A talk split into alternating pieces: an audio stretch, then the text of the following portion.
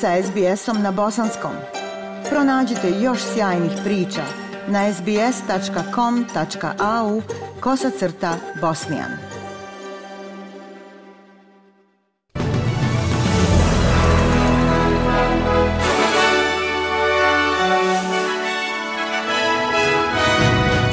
U današnjim vijestima poslušajte. Sjedinjene države oborile još jedan neidentifikovani objekat. Oporavak od potresa u Turskoj otežan nasilljeni pljačkom dok se broj nastradalih povećava. I u sportu futbaleri Real Madrida sinoć osvojili svjetsko klubsko prvenstvo.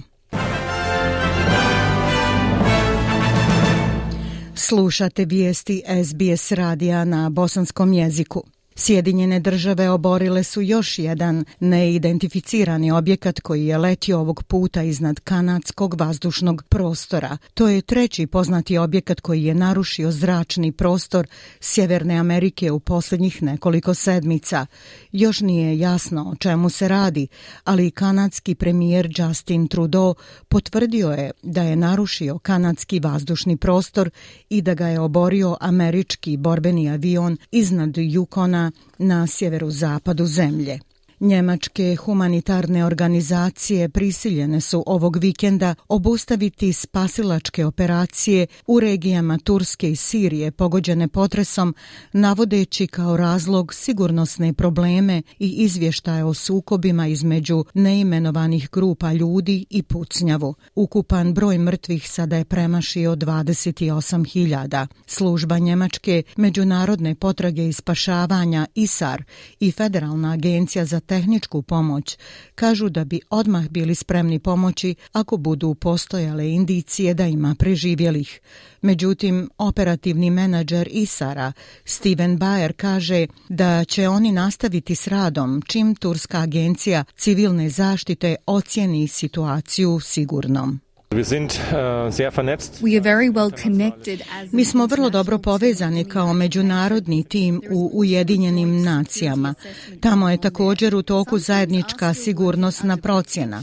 Neki timovi dalje rade pod zaštitom na lokacijama, a drugi timovi su prestali s radom. Turske vlasti nisu komentarisale nemire, ali predsjednik Erdoğan kaže da će se vlada pozabaviti pljačkašima i drugim kriminalnim ponašanjem. Čelnik svjetske zdravstvene organizacije stigao je u Siriju, donoseći 35 tona medicinske opreme i zaliha za liječenje preživjelih u razornom zemljotresu u regiji. Zapad je ukinuo sankcije Siriji na šest mjeseci kako bi pružio pomoć u katastrofi. Očekuje se da će Tedroš Adhanom Džibriđezos obići grad Alep na sjeveru Sirije i tokom svoje posjete sresti pacijente u bolnicama, kao i raseljene ljude koji su ostali bez krova nad glavom u katastrofi. Drugi avion sa 30 tona opreme trebao bi stići u narednim danima, ali čelnik kaže da će obezbijediti sve resurse koji mogu čak i nakon što kriza prođe. Uh,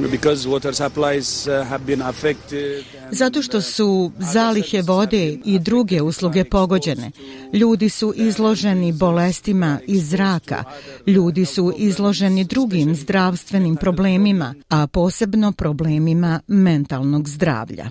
Očekuje se da će ministrica za pitanja starosjedilačkog naroda Australije Linda Burney danas pozvati Petera Datona da ne čini, navodimo, ponovo istu grešku nakon što je bojkotirao izvinjenje ukradenim generacijama. Gospođa Bernie će iskoristiti 15-godišnjicu historijskog izvinjenja da pošalje poruku onima, uključujući gospodina Datona, koji je izašao iz parlamenta povodom formalnog izvinjenja tadašnjeg premijera Kevina Rada 2008. godine.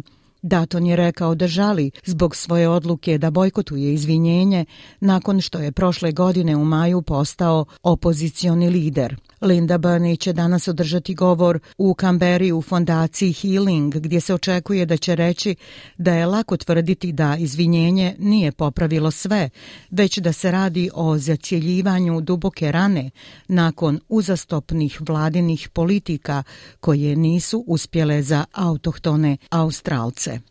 Savezni blagajnik Jim Chalmers kaže da je uvjeren da Australija može izbjeći recesiju, ali priznaje da je ovo, navodimo, veoma teško vrijeme za mnoge Australce. Izjava dolazi u trenutku kada glavna banka bilježi daljnje povećanje kamatnih stopa. Chalmers je za ABC rekao da se očekuje usporavanje ekonomije, ali ne i pad u recesiju u odnosu na trenutne brojke. Uh, I Rezervna banka i Trezor očekuju da je inflacija dostigla vrhunac krajem prošle godine i da se počinje smirivati, ali bit će veća i duža nego što bismo željeli. Ovo je trajni problem za našu ekonomiju. Čak i kada smo došli do vrhunca inflacije, pritisci dolaze na nas iz cijelog svijeta, ali se osjećaju i ovdje. Mi to razumijemo i zato imamo plan u tri tačke za rješavanje inflacije koja je u našoj ekonomiji. Opozicioni lider Peter Dutton najavljuje nova ministarska imenovanja nakon ostavke Alana Tadža iz politike. Ostavka gospodina Tadža pokrenula je predstojeće vanredne izbore u Melbourneu. Senatorica Viktorije Sara Henderson preći će sa dužnosti komunikacija i postati glasnogovornica koalicije za obrazovanje.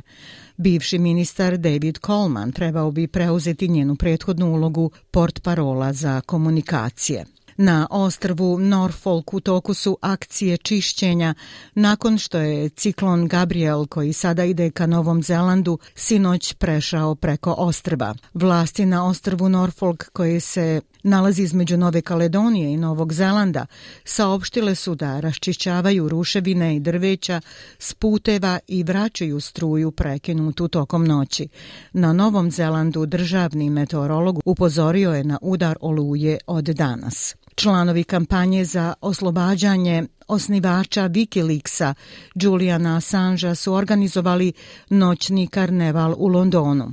Oko 2000 pristalica kampanje Ne izručujte Assangea marširalo je pored trga parlamenta, a povorka je predvođena ogromnom zlatom obojenom statuom pravde. Učesnici kampanje su također nosili lampione i plakate dok ih je karnevalska bubnjarska grupa pratila u maršu. Assange se nalazi u londonskom zatvoru Belmarsh otkako je sklonjen iz ambasade Ekvadora 2019. Australac se trenutno bori protiv izručenja Sjedinjenim državama nakon što je u decembru podnio žalbu Evropskom sudu za ljudska prava. A protesti i u Francuskoj. Demonstracije protiv reformi za penzijsku starosnu dob ušle su u četvrti krug. Policija ispalila suzavac na demonstrante na ulicama Pariza, gdje se očekuje da će stotine ljudi marširati u gradovima širom zemlje. Francuski predsjednik Emmanuel Macron zagovara podizanje minimalne starosne granice za odlazak u penziju sa 62 na 64 godine. Thomas Quentin je 43-godišnji inženjer koji je prisustvovao protestima i kaže da nije zadovoljan prijedlogom. Ovdje smo došli da pokažemo vladi da nismo zadovoljni ovom novom reformom, da dodamo još dvije godine rada. To nije naš izbor. Želimo uživati u životu nakon posla sa svojom porodicom i to je to.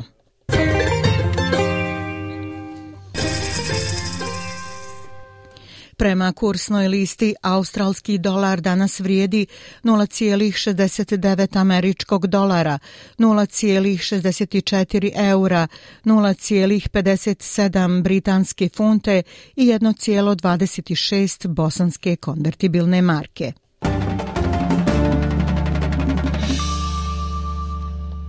I vijesti sporta, futbaleri Real Madrida sinoć su osvojili svjetsko klubsko prvenstvo, pobjedivši u finalu saudijski Al Hilal sa 5 naprama 3.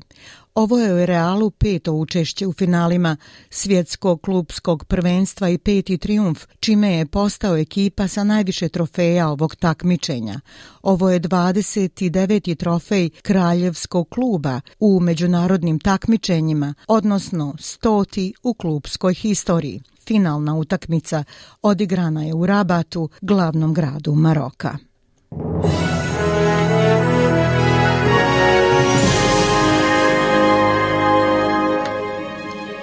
I za kraj vijesti poslušajte temperaturne vrijednosti za veće gradove u Australiji. U Pertu je sunčano 33, u Adelaidu također sunčano ali 25, u Melbourneu oblačno 19, u Hobartu 21, Kamberi sunčano 30, u Sidneju uglavnom sunčano 28, Brisbaneu sunčano 36 i u Darwinu moguće oluje 30 stepeni. Bile su ovo vijesti SBS radija na bosanskom jeziku. Ja sam Aisha Hadži Ahmetović. Ostanite i dalje s nama.